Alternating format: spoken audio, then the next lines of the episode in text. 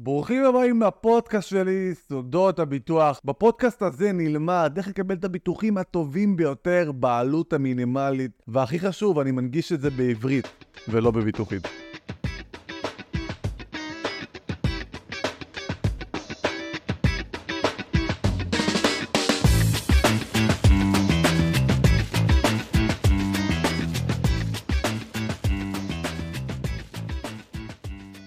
והיום בפרק השלישי לעונה שלנו אנחנו הולכים לדבר על תופים תופים תופים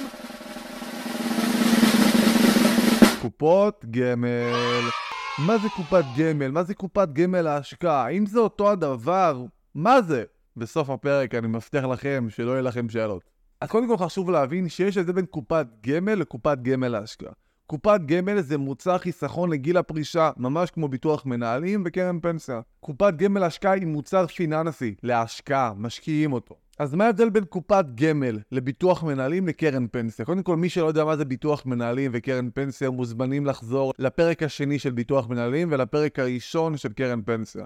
אבל קופת גמל היא מכשיר חיסכון לגיל הפרישה ללא היבט ביטוחי. בעצם חיסכון טהור, פחות דמי ניהול. חשוב לדעת שסיפרתי לכם שביטוח מנהלים מבחינת דמי ניהול הוא המוצר היקר ביותר, וקרן פנסיה היא המוצר הזול ביותר היום. אז מה באמצע? כמובן שקופות גמל.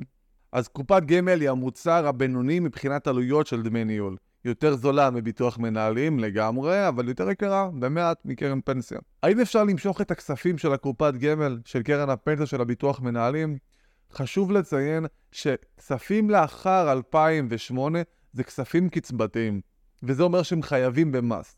ואם נחליט למשוך אותם, נשלם מס מאוד כבד של 35%. רוב הכספים מלפני 2008 זה כספים שהם לא קצבתיים, ולכן ניתן למשוך אותם. ניתן דוגמה, בן אדם שיש לו קופת גמל מ-2006, ועד היום הוא מפקיד. זה אומר שחלק קטן מהכסף שלו, בעצם החלק היחסי בין 2006 ל-2008, זה בעצם כספים שהם נזילים, שאפשר למשוך אותם, אבל מ-2008 ועד היום בעצם, הכספים האלו הם קצבתיים וחייבים במס. גם קופת הגמל כמובן מושקעת בבורסה, וניתן לבחור מסלולי השקעה שמתאימים לכם. בעלי מניות, בעלי אגרות חוב, ניירות ערך ונכסים יותר מסוכנים ופחות מסוכנים. אז מתי נכון להשתמש בקופת גמל? מה היתרון של זה? ניתן דוגמה, נגיד שיש בן אדם שיש לו ביטוח מנהלים ישן, אני מקדם לו משהו. מי שלא יודע מה זה מקדם, ניתן לחזור לפרק 2, אני אדבר בהרחבה מה זה מקדם. אז יש מקדם לו משהו, וכמו שהסברנו ודיברנו, אנחנו משלמים הרבה מאוד דמי ניהול על הביטוח מנהלים. אז נוכל לקחת את הביטוח מנהלים המסולק, הלא פעיל בעצם, ולהעביר אותו מביטוח מנהלים לקופת גמל, וככה נוכל לחסוך מאוד בעלויות ולהגדיל את הקצבת הפרישה, מהסיבה שקופת גמל היא יותר זולה מביטוח מנהלים. אבל גם הפוך ניתן לעשות. מה קורה במצב שיש בן אדם שיש לו 500 אלף ש"ח בקופת גמל, והוא רוצה להפוך אותה לקרן פנסיה? האם ניתן? למה? האם זה שווה? קודם כל, מבחינת עלויות זה שווה. כי קרן פנסיה, כמו שאמרנו, הרבה יותר זולה מקופת גמל. לכן, אם יש לכם קופת גמל שיש בה הרבה כסף, ניתן להעביר אותה לקרן פנסיה ובעצם להמשיך להפקיד שם כל חודש לטובת הקרן הפנסיה החדשה ולחסוך בעלויות של דמי ניהול מאוד מאוד משמעותיים. אז זה הקופת גמל, הבנו מתי משתמשים ולמה צריך ומתי זה נכון כלכלית. מה לגבי קופת גמל להשקעה? קופת גמל להשקעה, כמו שאמרנו, זה מכשיר השקעה. כל שנה אפשר להשקיע בקופת הגמל להשקעה, נכון לשנת 2023, כ-75,000 שקלים כל שנה. אז אתם בטח חושבים לעצמכם, רגע, למה אפשר כל שנה עד 75,000 שקלים? מה, חברות הביטוח ובתי השקעות לא רוצים שנשקיע דרכם יותר כסף? אז התשובה לשאלה הזאת היא תשובה מאוד מאוד מעניינת שיכולה להגדיל לכם את קצבת הפרישה באלפי שקלים. מי שלא יודע, היום כשאנחנו משקיעים כסף בבורסה ואנחנו מרוויחים, אנחנו משלמים 25% מס רווחי הון. מה זה בעצם מס רווחי הון?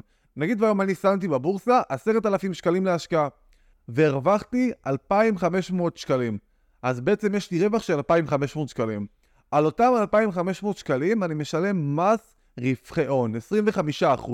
כשאנחנו משקיעים לטווח הארוך, תחשבו היום בחור יחסית צעיר, שם כל שנה 75,000 שקלים לטובת קופת גמל להשקעה, והוא יוצר הרבה מאוד רווחים. אז מצטבר לו הרבה מאוד מס לשלם. אז אחד מהיתרונות של הקופת גמל להשקעה, כשנגיע לגיל הפרישה ונתחיל לקבל קצבה מקרן הפנסיה שלנו וביטוח המנהלים שלנו, נוכל לקחת את הכספים שחסכנו כל החיים בקופת גמל להשקעה, ולקבל אותם באופן קצבתי. אם אנחנו נבחר לעשות את זה, וזה כפוף לקבלת קצבת פנסיה מינימלית, נוכל לקבל פטור של אותו מס רווחי הון.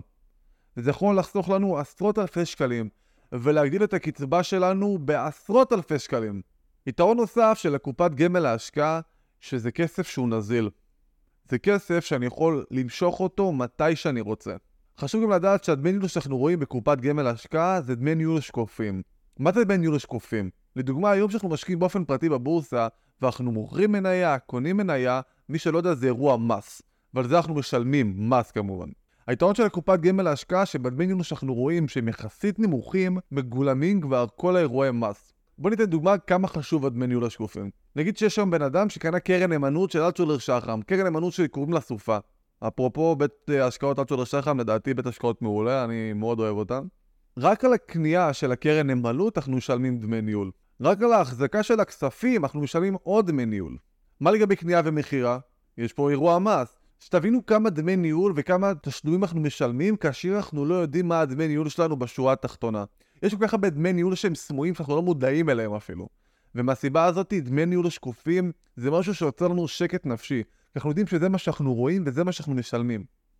כמובן שאפשר להרחיב ולדבר על השקעות וקופות גמל להשקעה ופוליסות חיסכון עוד הרבה, יש כל כך הרבה ידע בתחום הזה שחייבים לדעת אותו.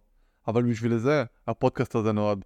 אז אני מקווה שכולכם נהניתם ולמדתם. תודה רבה שהקשבתם והאזנתם לפרק השלישי שלנו בנושא קופות גמל. מה זה קופת גמל ומה זה קופת גמל להשקעה. אז בואו נחזור בקצרה על מה למדנו ומה הבנו היום. קודם כל הבנו שקופת גמל זה מוצר חיסכון לגיל הפרישה. הבנו שיש יתרונות להחזיק קופות גמל בהתאם לתקופות מסוימות. הבנו שקופות גמל זה מוצר שהוא יחסית לא מאוד יקר. הבנו שיש הבדל בין קופת גמל לקופת גמל להשקעה. הבנו שקופת גמל להשקעה זה בכלל מוצר של ההשקעה, זה מוצר פיננסי. הבנו שלקופת גמל יש יתרונות שיכולים להגדיל לנו את קצבת הפרישה באלפי שקלים ולחסוך לנו תשלומי מס מאוד כבדים. הבנו שכספים בקופת הגמל להשקעה נזילים כל הזמן, והבנו שיש שקיפות מלאה מבחינת דמי ניהול.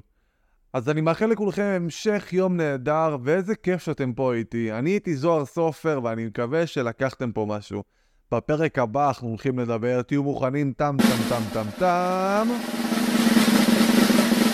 קופות גמל להשקעה נגד פוליסות חיסכון.